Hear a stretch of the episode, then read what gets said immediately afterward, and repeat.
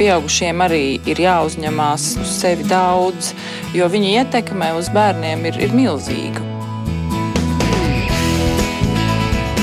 Mēs tiekamies ģimenes studijā.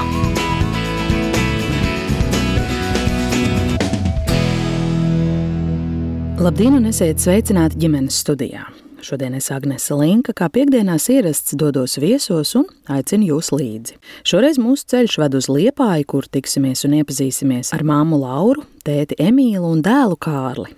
Laura Jēruma ir Liepājas teātra aktrise, viņas vīrs Emīls Dreiblats, mūziķis, producents, tulkotājs un grupas Vilau farm līderis. Abi audzina ļoti runātīgo septiņgadnieku Kārli, kas te uzsāka skolas gaitas. Par viņu radošo dzīvi un ikdienu ar Dreiblatu Jārumu ģimeni šī saruna, ko kā Aleša sākam ar iepazīšanos.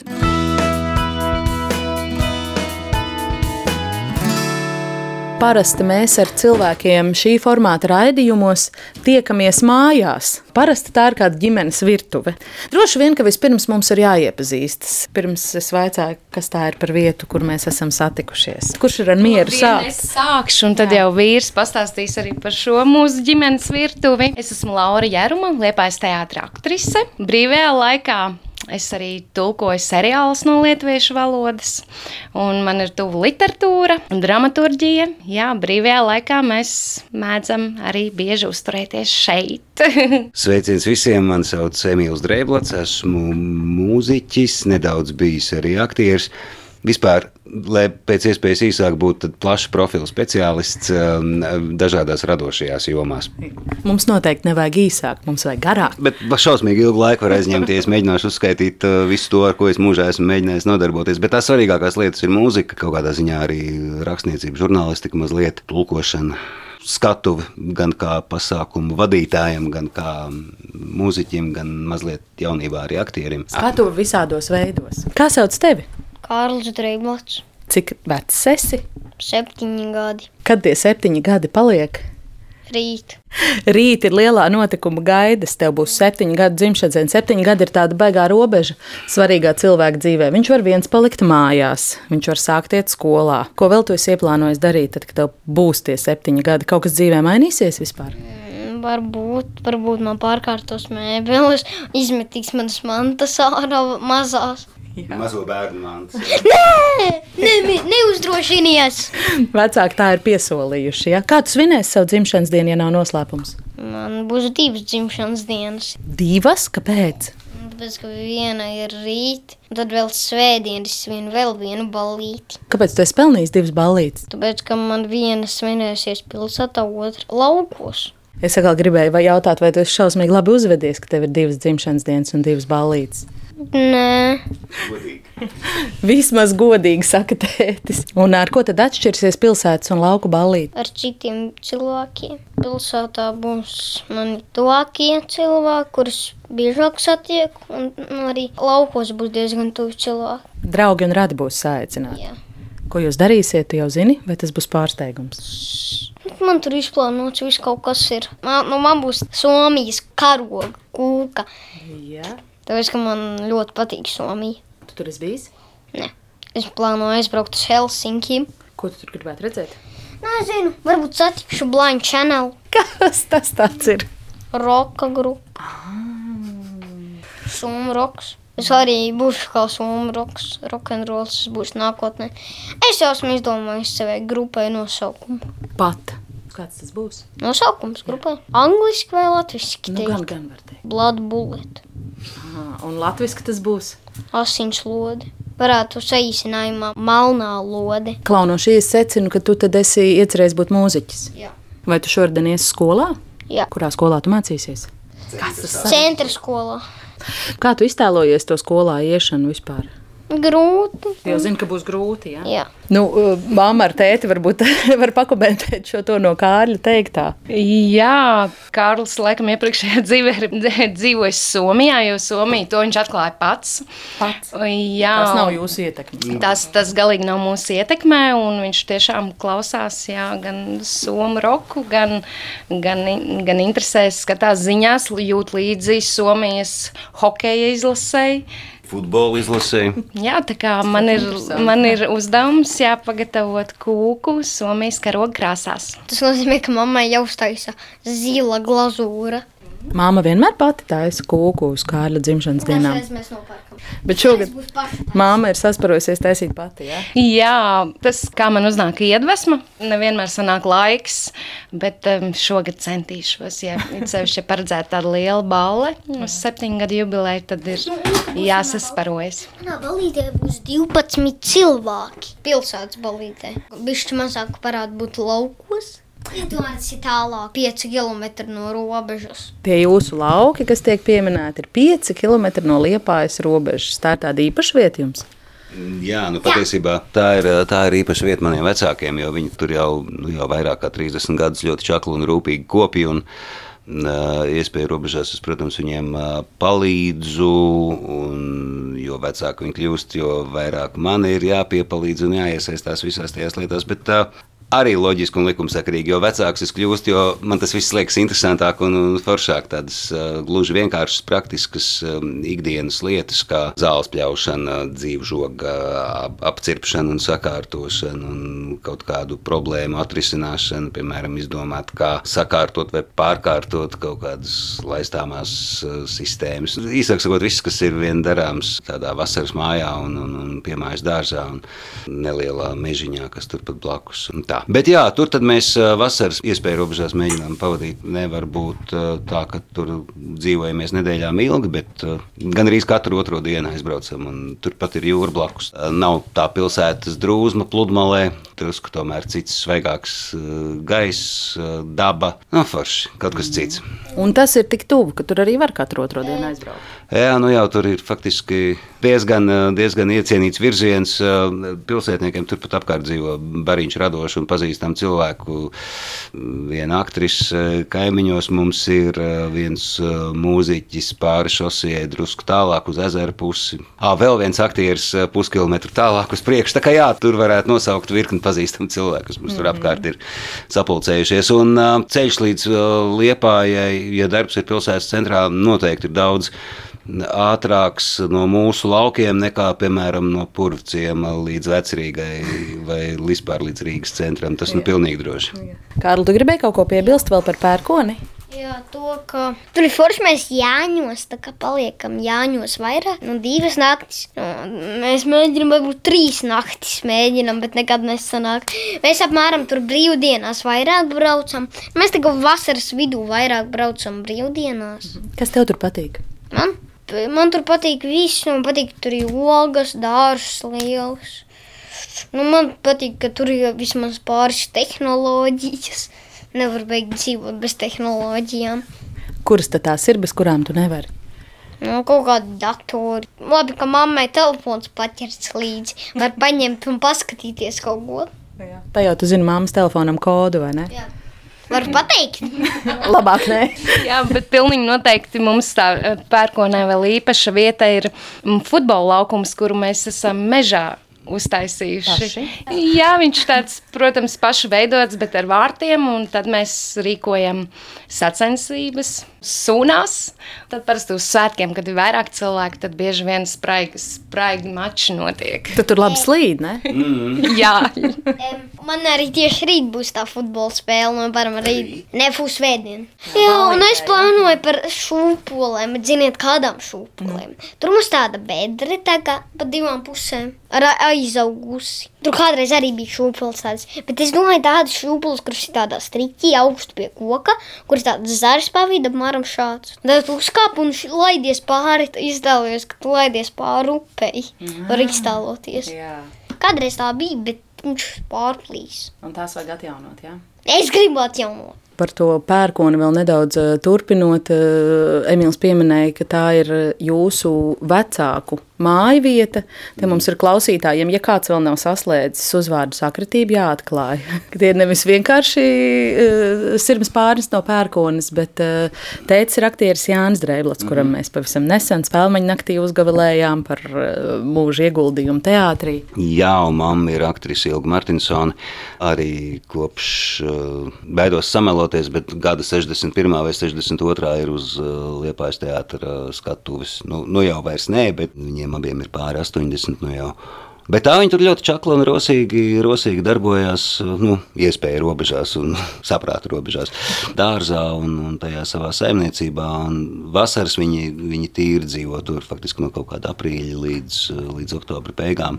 Nu, tā mājiņa tomēr ir būvēta kā vasaras māja, jo tajā laikā, kad viņš šo savu sapņu projektu sāka realizēt, un tas ir 90. gadu vidus 90. gada pirmā puse ar to rocību bija kā bija, un, un, un, un tur nekas vairāk par tādu vasaras māju arī nav sanācis. Ziemā piekurināt var, bet nu, baigi daudz malkas aiziet, lai, lai tur varētu dzīvot. Bet, jā, kamēr, kamēr ir daudz maz laika apstākļu atļauju, tā viņi tur dzīvojas, un mēs arī braucam un, un kaut ko darām. Jo tur, ir, tur ir arī visos gadu laikos kaut kas darāms. Ja nav dārsts, tad, tad ir mežs, kur ir kaut kādi sausie zāri un, un, un kaut kas, kur var malku vākt un gādāt un domāt par nākotni. Nu, īsāk sakot, ko darīt, vienmēr atradīsies. Visādas praktiskas lietas. Laura, kas ir jūsu darīšanas un patikšanas tur aizbraucot? Ravēšana, jā, es vairāk tādus sievišķīgos darbus, protams, daru, jo tos smagākos atstāju vīram. Tā jau ir. Par ilgu un Jāni vēl. Ja drīkst piebilst, tad uh, ilga, ilgus gadus bijusi skatuves runas pedagoģe. Un, kas bija ļoti interesanti, viņa arī, kad es mācījos par aktrisi, bija arī man, mana skatuves runas pasniedzēja.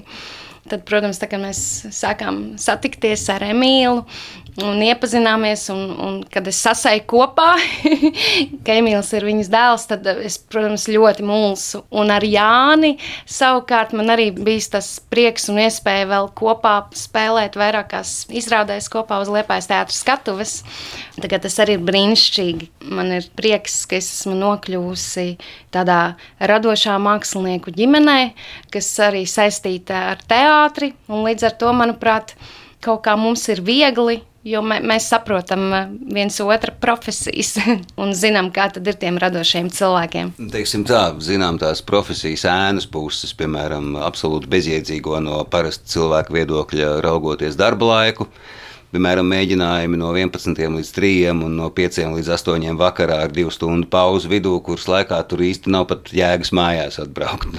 ja mēs tā skatāmies, normālam cilvēkam, pēdiņās man gribas teikt, normālam cilvēkam darbs sākas pusdeviņos no rīta un beidzas, nezinu, pussešos vakarā, un tad, tad, tad viss pārējais ir brīvs, un sestdienās, svētdienās neviens, lai pat neiedrīkstās no darba zvanīt. Nu, tad mums, mums ir labi tas, ka mēs ļoti labi saprotam, ka tad, kad citi atpūšās, tad mums ir ir darbs gan vienam, gan otram. Nu, mēs ļoti labi arī saprotam, ko tas nozīmē. Tas šis, šie nenormētie darba laiki, un, un ka svētkos mums nebūs iespēja būt kopā. Kādam būs varbūt jāspēlē vai nu izrāda, vai koncerts jāvada, vai jāspēlē, vai, vai jābūt kaut kur projām. Bet mēs to tā, pat cik labi pazīstam to drēbi, gan viens, gan otrs profesijas vai nodarbošanās, nu, tad tur nav, nav nekāda problēma.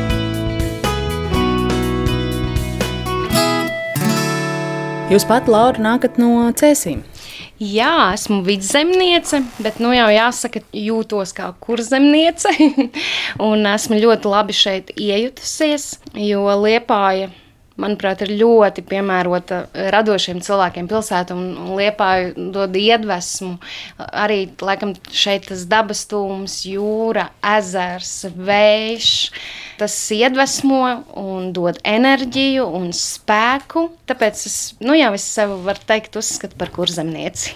Tad, kad eh, stājāties Liepājas teātra kursā, par kuru mēs zinām, kas skolojās Klaipēdā savu laiku, sapratāt jau, ka dzīvosiet šeit un apmetīsieties šeit uz dzīvi un šeit veidosiet tālāk savu darbu ikdienu? Jā, principā bija skaidrs, ka vismaz pirmos piecus gadus noteikti būsim Liepājā, ka mums šeit būs darbs, un tad jau kā tālāk uh, dzīve aizvedīs.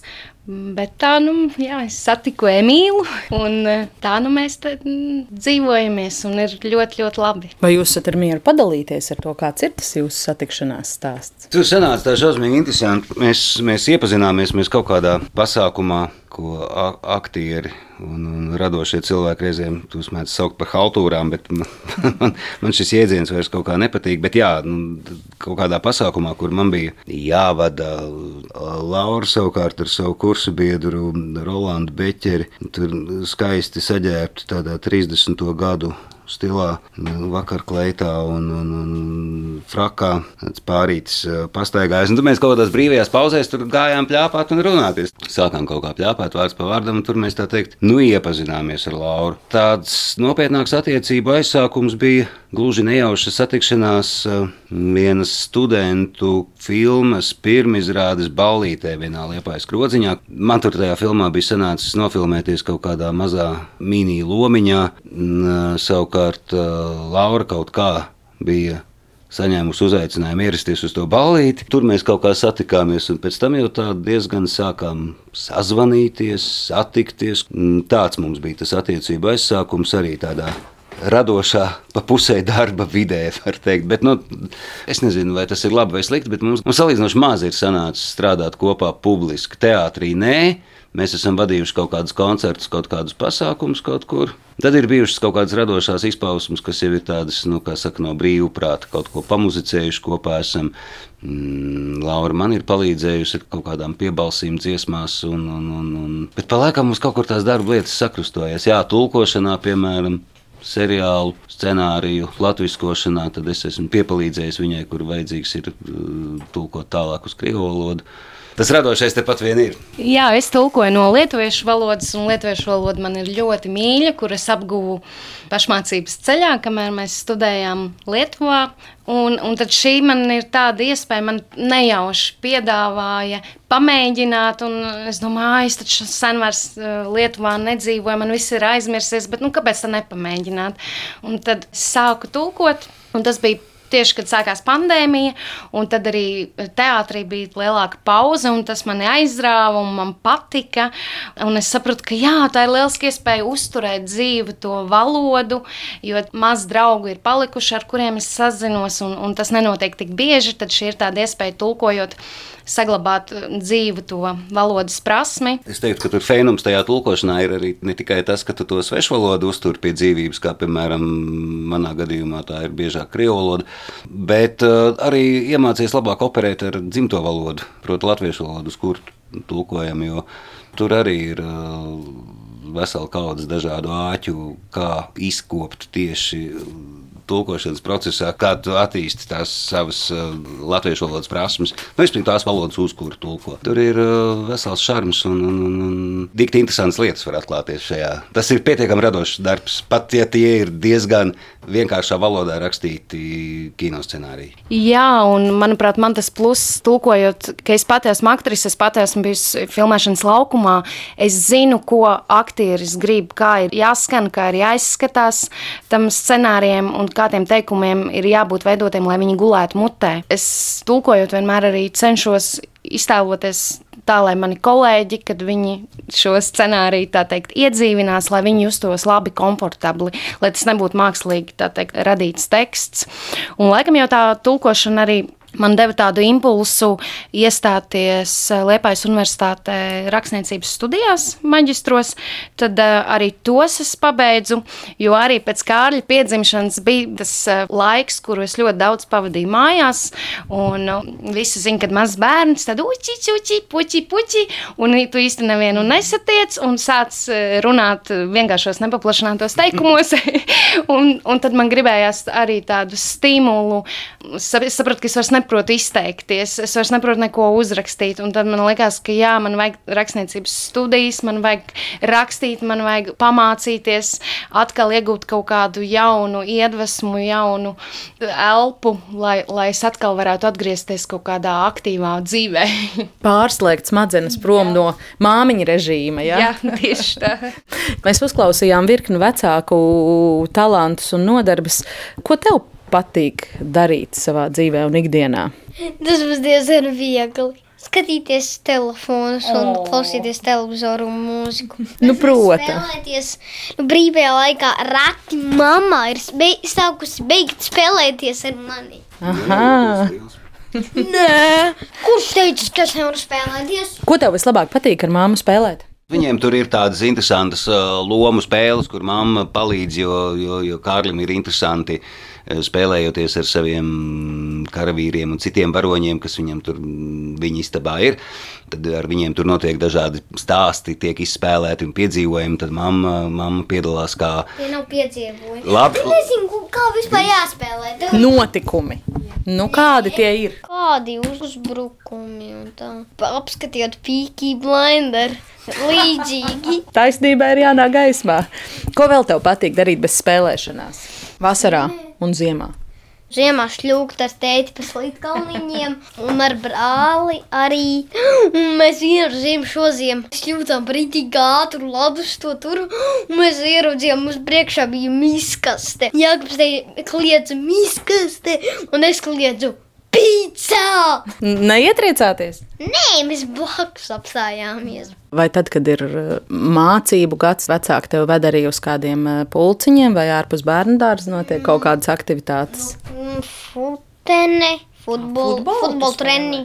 Trenējies futbolā. Jā, tie jau arī manā dzimšanas dienā būs draugi. Gan no futbola, gan no mana dārziņa vecā. Nu jā, un tad vēl brāli. Nu, viens no brāļiem, mans jaunākais, nu, kas man ir visjaunākais, viņš jau ir vecāks par mani, 12 gadnieks. Bet viņam joprojām patīk ar mani spēlēties. Bišķi pieaugušākas spēles, bišķi trakāks par piki blenderiem. Tiešām trakāks par piki blenderiem. Un cik gadus tu spēlē to futbolu, cik gadus tu trenējies jau? Es Sen vai pagājušā vasarā sāku iet. Es arī eju mūzikas skolā. Ko tu mācījies, kādu instrumentu? Klavieres, bet pēc tam domāju par ģitāru. Ah, klavieris ir specialitāte pagaidām, jā? Jā. Tu pats izdomāji, ka jāiet spēlēt futbols un jāiet mācīties spēlēt klavierus. Pirmā lieta, ko es darīju, bija laikam sāku iet futbolā, kur es pats izdomāju. Bet tas mūzikas skolas arī izdomāju, bet es negribēju spēlēt klavierus. Zinu, tas ir vēl grūtāk nekā spēlēt ģitāru. Bet cilvēki paliek šausmīgi gudri arī citās lietās. Man liekas, ja viņi iemācās spēlēt klavierus, es arī mēģināju, kad biju maziņa. Un Tā nepatīk. Nē, baigi grūti. Man ir spiež, un viņi, ja es kaut ko sajūtu, man jāsāk no sākuma. Mm. Tas nav forši. Mm. Vecāki ir pārāk rupji. Nu, tagad prasās komentārs no vecākiem. Es bērnībā ši, šim visam esmu gājis cauri. Es pabeidzu bērnu skolu kā pianists. Nu, man jāsaka, tā, ka tas nebija nekas nejauks, nepatīkams. Pēc tās uh, bērnu skolas pabeigšanas, man liekas, es kaut kādu gadu tām klavierēm patiešām pat virsū negribēju skatīties. Pēc tam parādījās atkal kaut kāda interese, kad jau nāca tāds uh, vidusskolas vecums un radās kaut kāda apjēga, ka no tā instrumenta var izlunāt ārā ne tikai černietīdas vai Mocarta sonatīnas, bet ka tur var nospēlēt arī kaut ko um, no populārās mūzikas. Manā bērnībā gan um, tāda lieta kā rietumu mūzikas uh, nošu pieejamība, nu, nu, tāda, tāda vienkārši nebija. Un interneta vēl kā tāda nebija īsti. Es vidusskolu pabeidzu 93. gadā, tātad tas 97. gadā es, man liekas, pirmo reizi iepazinos tā pa īstam ar internetu. Un arī tas bija baiss kaut kāds pārsteigums, jo tur vienam čalim, kurš studēja RTU inženieros, viņam bija pieeja pie Latvijas universitātes tā datoru sistēmām, Jā, jā, jā. un tad tur varēja, un es viņam lūdzu, lai viņš man gādā eh, dziesmu tekstus un, un kaut kādas notis un akordus, kurus varēja jau tur kaut kur jau, jau, jau kaut kas tāds sāk parādīties. Jā, bet atgriežoties pie Kārļa un pie, pie muzicēšanas, tā kā es kā bērns biju nelaimīgs, ka man katru dienu stundu vajadzēja sēdēt pie klavieriem, jā, es to atceros vēl joprojām. Vai tas man ir kaut ko devis? Jā, neapšaubām. Labi, es pēc tam vēl pamācījos arī mūzikas vidusskolā, bet um, tā pamata izpratne tur tiek ielikt jau pirmajās četrās, piecās klasēs kaut kāda apjēga par to, kā vispār šī it kā ļoti nesataustāmā lieta vārdā mūzika, no kā tā sastāv. Un, ja man toreiz vēl kāds būtu palīdzējis savilkt paralēlus ar mūziku un matemātiku, tā kā to es vēlāk izdarīju jau pieaugušā vecumā, tad iespējams man arī algebrā 9. klases beidzot nebūtu bijis trīnieks piecbāļu sistēmā, bet kaut kas bišķi, bišķi vērtāks un, un labāks. Bet tā apjēga man atnāca jau, jau pieaugušā vecumā, ka, ka mūzika un matemātika ir ļoti tuvs tieši šīs sistēmas un kārtības dēļ. Man gribas, lai vismaz Kārlis iepazīst, un tad jau viņš varēs izvēlēties, vai viņš to gribēs vai negribēs. Neko jau nevajag uzspiest. Vienkārši ļausimies un skatīsimies. Bet lai viņš vismaz ir informēts, ka ir dažādi varianti. Šodien ģimenes studija viesojas Liepājā, kur tiekamies ar Liepājas teātra aktrisi Lauru Jārumu, viņas vīru mūziķi, nu pat dzirdētās grupas Vilofārma līderi Emīlu Drēblatu un abu dēlu septiņgadīgo Kārli. Sarunu atsākot Kārlis vēlas padalīties ar kādu kulināru ieteikumu.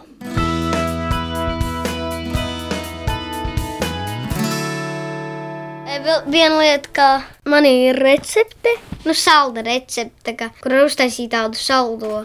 Es varu pateikt sastāvdaļas. Protams, Jums vajag blenderi, ielieciet apmēram divus banānus iekšā, nu, sapulciniet un ielieciet iekšā. Tad uh, pielieciet pienu, bišķi kanēļa, vaniļas cukurs.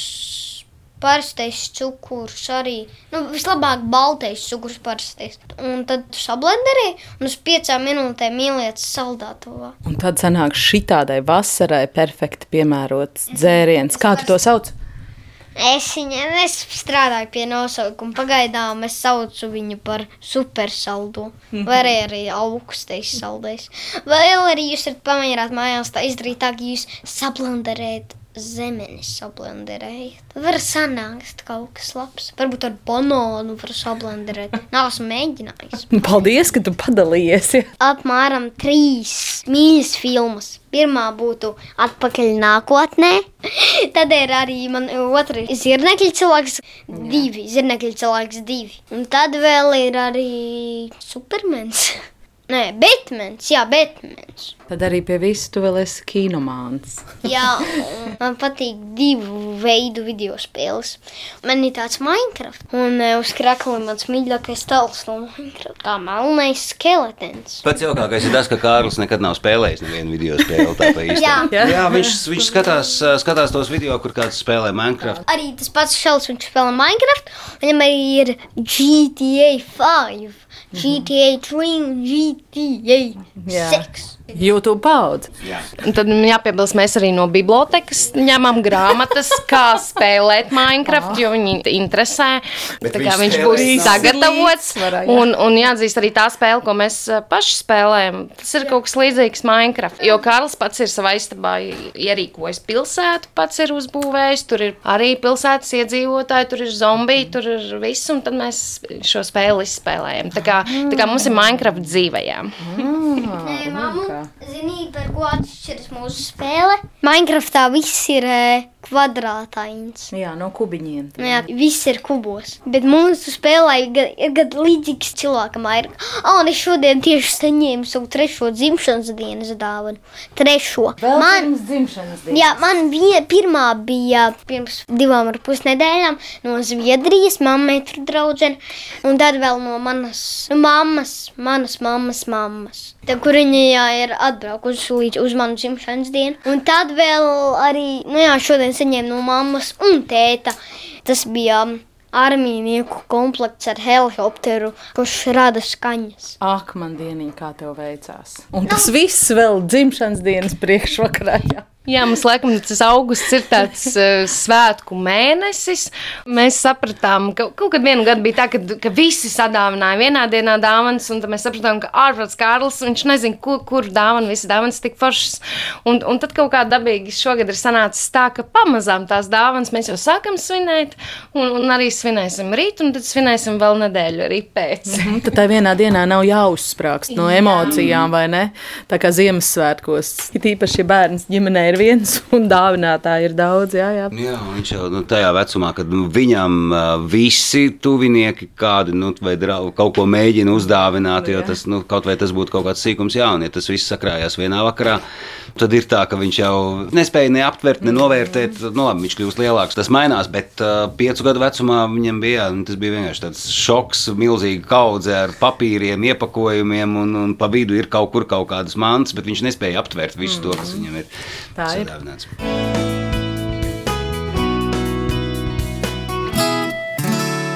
Par šo vietu, kur mēs tiekamies. Šī nav gluži jūsu ģimenes virtuve, kur parasti ģimenes studija mēģina ieprasīties ciemos. Jā, jā. Tagad visiem radīsies jautājums, kas, kas tad viņiem tur mājās ir, ka viņi tur negrib laist sevi iekšā. Nu, Droši vien divas galības, vai nu ļoti labi, vai nu arī viss ļoti slikti. Bet patiesība ir kaut kur pa vidu, vienkārši mums virtuve ir šausmīgi maziņa. Bet uh, šeit mums likās kaut kā organiskāk un, un vienkāršāk. Šī ir ierakstu studija pilnā nosaukumā Lighthouse, jeb Bāka. Bāka, tāpēc ka šajā mājā, citā mājas spārnā, savulaik atradās, padomju laikā atradās kinoteātris Sarkanā Bāka. Latvijas laikā un īsu brīdi pēc Latvijas neatkarības atjaunošanas uh, bija kinoteātris Palas. Un tā bāka, patiesībā Liepais bāka arī no šejienes kilometra apmēram uz, uz ziemeļrietumu pusi.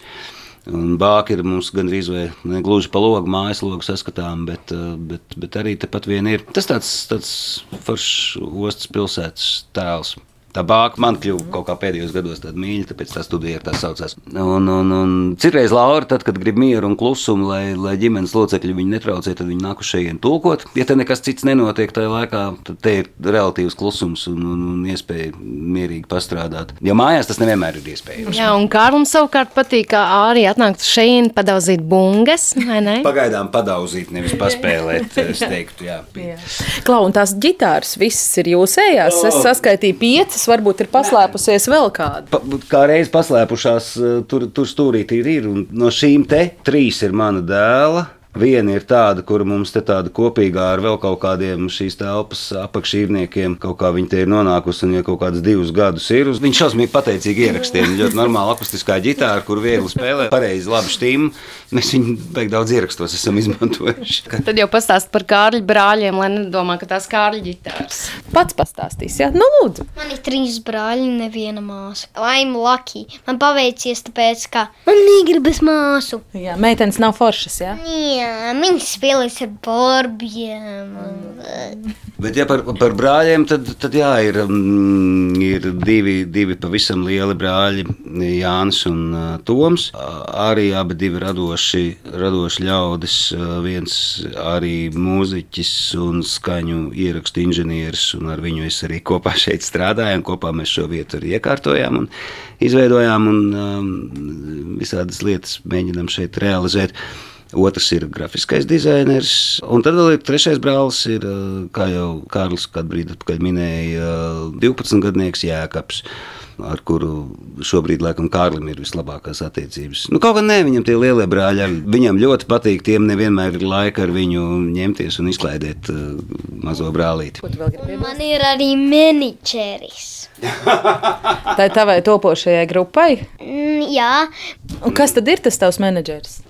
Viņu sauc Raitis. Raids ir Tomam draugs, un, un nu jau arī kolēģis. Viņi nu jau abi divi viņi vienā darba vietā strādā. Un, tā kā viņiem abiem, gan vienam, gan otram, ir iespēja strādāt un savus darba pienākumus veikt attālināti, tad Toms lielākoties vasarās dzīvo pērkonē, pirts augšā otrajā stāvā un pa laikam tur ierodas pie viņa kādu nedēļu, divas padzīvot arī kāds no darba kolēģiem, jo principā viņš strādājis pēdējos, jā, tad, cik tur tos gadus ir tīri attālināti. Vai nu no mājām, vasarā no pērkonas, ziemā viņš meklē kādas siltākas zemes, kur dzīvokļi ir, ir lētāki nekā Rīgā. Nu jā, un tad tu, Kārlis ar tu vienu no tiem draugiem sadra, sadraudzējās, un, un tad viņi novienojās, ka Raits būs Kārļa menedžers. Un arī nav. Arī nākotnē, jā, un arī tagad, jā, viņš rūpējās par to, lai jaunajam cilvēkam viss būtu nepieciešamais, lai viņš varētu radoši izpausties. Oh, un es arī rīkoju savās mājās koncertus. Man biežāk privāti koncerti. Daudz tev to ā, koncertu apmeklētāji arī sanāk, kā ir. Vai māma un tēvs un divi kaķi vēl? Jā, Ja? man ir rudais, man ir eh, ruds kaķis, un viņš man ir grupā bunzinieks. Viņš ir, viņš taču guļ uz bungām. Kārlis tiešām jā, bija viens laiks, ka katru nedēļu, katru nedēļas nogalu bija kāds koncerts, kad tiek uzlikts Kārļa mīļākās dziesmas, un Kārlis dzied. Mēs ar tēti klausāmies un jūtam līdzi. Bet jāsaka, ka Kārlim ir jau arī citādākas radošas izpausmes. Kārlis ir pagūs arī radio lūga. Tā bija Karīnas Tārinovas jaunavas mācība no Sikstens romāna Nu, radio Jā, radio iestudējums, un tur Kārlis jau paguva arī piedalīties. Tāpat arī Kārļa zīmējums. Toms uztaisīja Emīļa grupas Vilofarma pēdējiem albumu vāku, jau izmantojot uh, Kārļa zīmējumu. Kur es kuru es uzzīmēju laikam 3-4 gadu vecumā. Brālis uzdizainēja. Jā, otrs brālis uh, spēlē. Kā saka, naudai jāpliek ģimenē. Es gribēju teikt, naudai jāpaliek ģi- normāls ģimenes uzņēmums. Bet kāpēc ne beig beigās? Jo, nu, ja viņiem ir interesanti, es domāju, tiem lieliem abiem brāļiem ar mani kopā kaut ko darīt, nu, tad tas jau ir patiesībā baigi forši. un Tas, laikam, tāds labs kompliments, ka viņiem ar mani nav garlaicīgi. Mums gan tā vecuma starpība ir uh, relatīvi neliela, jo viņi man piedzima esot uh, jaunam, līdz ar to ar um, vecāko dēlu mums ir mazāk par 20 gadu kā Vēl uz vienu viļņu. Vēl vairāk vai mazāk, jā. Nu, labi, es kļūstu ar vien prātīgāks. Viņš vēl nē.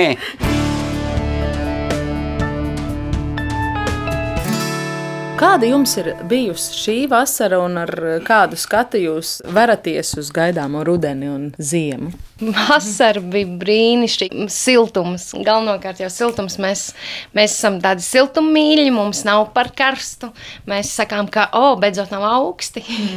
Jo liepājā diezgan kārtīgi parasti tas vējš iepūš. Jā, Jā, Lietpājā arī plus 22 grādi. Tas nav nekas, nekāds beigais siltums, ja pūš, pūš vējš no jūras. Nu, līdz ar to tagad tie 26, 28, un mums arī ir vēsāks. Nu, Es saprotu, ka lielā daļā Latvijas ir 30 un kaut kādi 33 Pāri, jā, jā. bijuši pēdējās dienās, bet te ir 26, 28, un tas ir tā, ka nu, tiešām nav augsti. Nu, ir forši. Var vakarā 9 šortos un, un tēkraklā braukt uz jūru peldēties. Un var ielīst tajā ūdenī un būs, būs patīkami. Nevis, nevis kaut kā tā, ka tas prasa roņa cienīgu tādu saņemšanos. jā, jā. Tā kā nē, vasara, ir- vasara ir beiga ok. Šī ir pirmā vasara pēdējo divu gadu laikā, kad kaut kas notiek kaut kur ārā un pasākumi un mūzika un iespējas, iespējas darīt savu darbu. Spēlējot un uzstājoties, tas man liekas tā ļoti svarīgi un forši. Ar laiku ir paveicies, ar laika apstākļiem mēs tiekam lutināti, ko atnesīs rudens. Nu, ja kāds to zinātu, tad viņš droši vien varētu kļūt par nākamo val- valdības sastādītāju. Bet to, kas būs valdības sastādītājs, to jau mēs arī vēl neviens nezinām. un Tas jau ir viens no lielajiem šī rudens izaicinājumiem, proti, saimnes vēlēšanas. Būs jautri. Tētis par darbu un vēlēšanām. Es domāju, ka māma noteikti, ja tādu topu liktu sastādīt, nebūtu tā, ka 1. septembris, kad mans puika kļūst skolnieks, ir tādiem lieliem burtiem pašā augšā. Jā, pilnīgi noteikti, jo viens posms ir noslēdzies un sāksies pavisam savādāks. un Es jau sapratu, ka es uztraucos, man liekas, vairāk ne, nekā Kārlis. Man un mamma ir lielāki uztraukumi par to, kā tad būs. Bet mēs centāmies tiešām eh, izbaudīt šo vasaru un arī kaut vai braucot tepat apskatīt dzimto zemi, pabraukājot apkārt un, un tepat uz Lietuvu aizbraucot. Liepais tāds arī ir sācis jau sezonu, un man aktīvi notiek mēģinājumi. Un tad arī ir brīnišķīgi, jā, ka tā jūra tepat desmit minūšu attālumā ir. Tad pēc tam visi uz riteņiem, uz jūru peldēties un vēl baudīt to sauli un svaigo gaisu. Tad jau jā, skatīsimies. Es ar tādu paļaušanos, gan, gan jau viss būs labi. Es, es pat arī ļoti labi atceros, man palicis prātā mans 1. septembris un tādas ļoti labas un siltas atmiņas no tā laika. Un es ļoti ceru, ka Kārlim arī būs tāpat, ka, ka būs forši. Jā, starp citu, viens jautājums, ko es gribēju jau iepriekš eh, vaicāt, teiksim, jūs abi skatuves mākslinieki, nekur no tās skatuves nevarēja sprukt, vai jums nevelkās paralēlis arī jūsu gadījumā ar puiku? Man jāatzīst, ka mani vecāki nekādā ziņā man baigi nemēģināja. Labi, sūtīja man tajā muzikas skolā, bet tas arī vairāk bija domāts vispārējas izglītības un izpratnes par uh, mūziku un kultūru iegūšanai. Ne tik daudz, lai es kļūstu par pianistu, un, un, un, un tā būtu mana nodarbošanās, vai mūziķa. Un tad, kad es ā, beigu beigās iestājos, iestājos aktieros, pēc izmēģinājuma pa vidu vēl tur šo un to, tad bija tāds apmēram tāds, nu, tad tomēr, jā, tomēr izvēlējies. Nu, jo, jo viņi tā, nu, mēģināja man dot dažādus mājienus par to, cik galīgi ne, ne salda un ne forši ir tā aktieru un vispār varbūt pat mākslinieku dzīve, un ka labāk būtu izvēlēties kādu sakarīgāku nodarbošanos, bet, nu, gribot, negribot, te nu es joprojām esmu, darot visādas radošas un nebūt nenormālas un neparastas lietas. bet, nu, ko lai dara? Cimensot, jā, tāds liktenis pa Kārli, es pat nezinu. Es savus tos, tos lielos abus puikas, kas ir aizgājuši arī šo te radošo faktisku ceļu, nu, nevienā brīdī, ne. Toms pats izvēlējās mākslas skolu jau uzreiz pēc 9. ā, klases un tālāk attiecīgi arī to ceļu tā ir gājis. Ņēncis ilgu laiku. Nevarēja saprast, eh, ko grib un kā grib, bet vienalga. 11 gados viņš eh, sāka spēlēt ģitāru, tā to darīja jau, nu, jau jā, gadus 12, 13 vismaz. Es viņam neko šausmīgi daudz izņemot pamatus, neesmu pat mācījis. Viņš lielākoties visu to ir apguvis pats, un, un tā ir iedzimtība. Nē. Nu, tā jau mēs redzam, kā radošais gēns iedzimst un spridzina.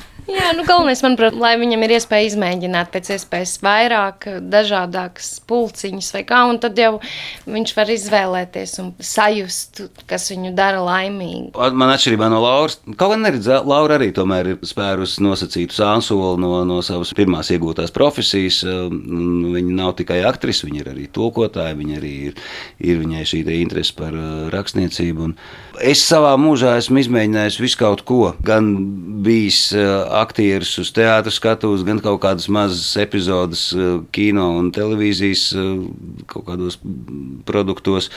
Es esmu bijis žurnālists, gan rakstījis par mūziku, gan arī par sportu. Piekam par sportu ļoti pat relatīvi ilgi, gadus eh, astoņus, un joprojām man vēl šad un tad palūdz vietējais liepājas laikraksts uzrakstīt kādu interviju. Ar, nu, ja tāds nopietnāks lasām gabals ir paredzēts, tad nu, nāc parunāt. Tev labi sanāk, tev patīk ar cilvēkiem parunāties un patīk pēc tam arī to labi izlikt uh, rakstiskā veidā. Es esmu bijis DJs uh, hokeja spēlēs Leduskālē, es esmu stadionā bijis informators, pieteicis uh, klasiskās mūzikas koncertus Liepājas simfoniskajam orķestrim arī vairāk kā desmit gadus. To es, starp citu, amatu arī mantoju no sava tēva kurš pirms tam bija Liepājas simfoniskā orķestra konferencē. Es esmu bijis radiodīdžers dažādās Liepājas radiostacijās. Man ir laimējies ar to, ka es dzīvē esmu varējis darīt to, kas man sagādā prieku. Visas šīs nosauktās lietas man kaut kādā ziņā ir bijušas interesantas. Es pat nezinu, man tagad Kārli virzīt kaut kādā vienā noteiktā virzienā un, un audzināt no viņa vai nu mūziķi vai Man liekas, ka pats būtiskākais ir mēģināt izaudzināt puslīdz jēdzīgu cilvēku. lai, lai nedara, nedara pāri citiem, tad jau pārējais atnāks pats no sevis.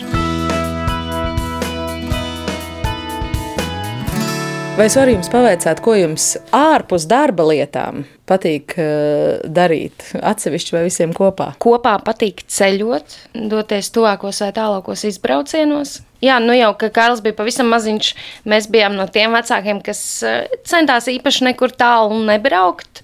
Mēs ērtāk jutāmies, tomēr, ka mēs visi bijām pie mājas, tad tagad nu, jau Kārlis ir paudzies, un tad tie mūsu ceļojumi kļūst arvien garāki, tālāki un ilgāki.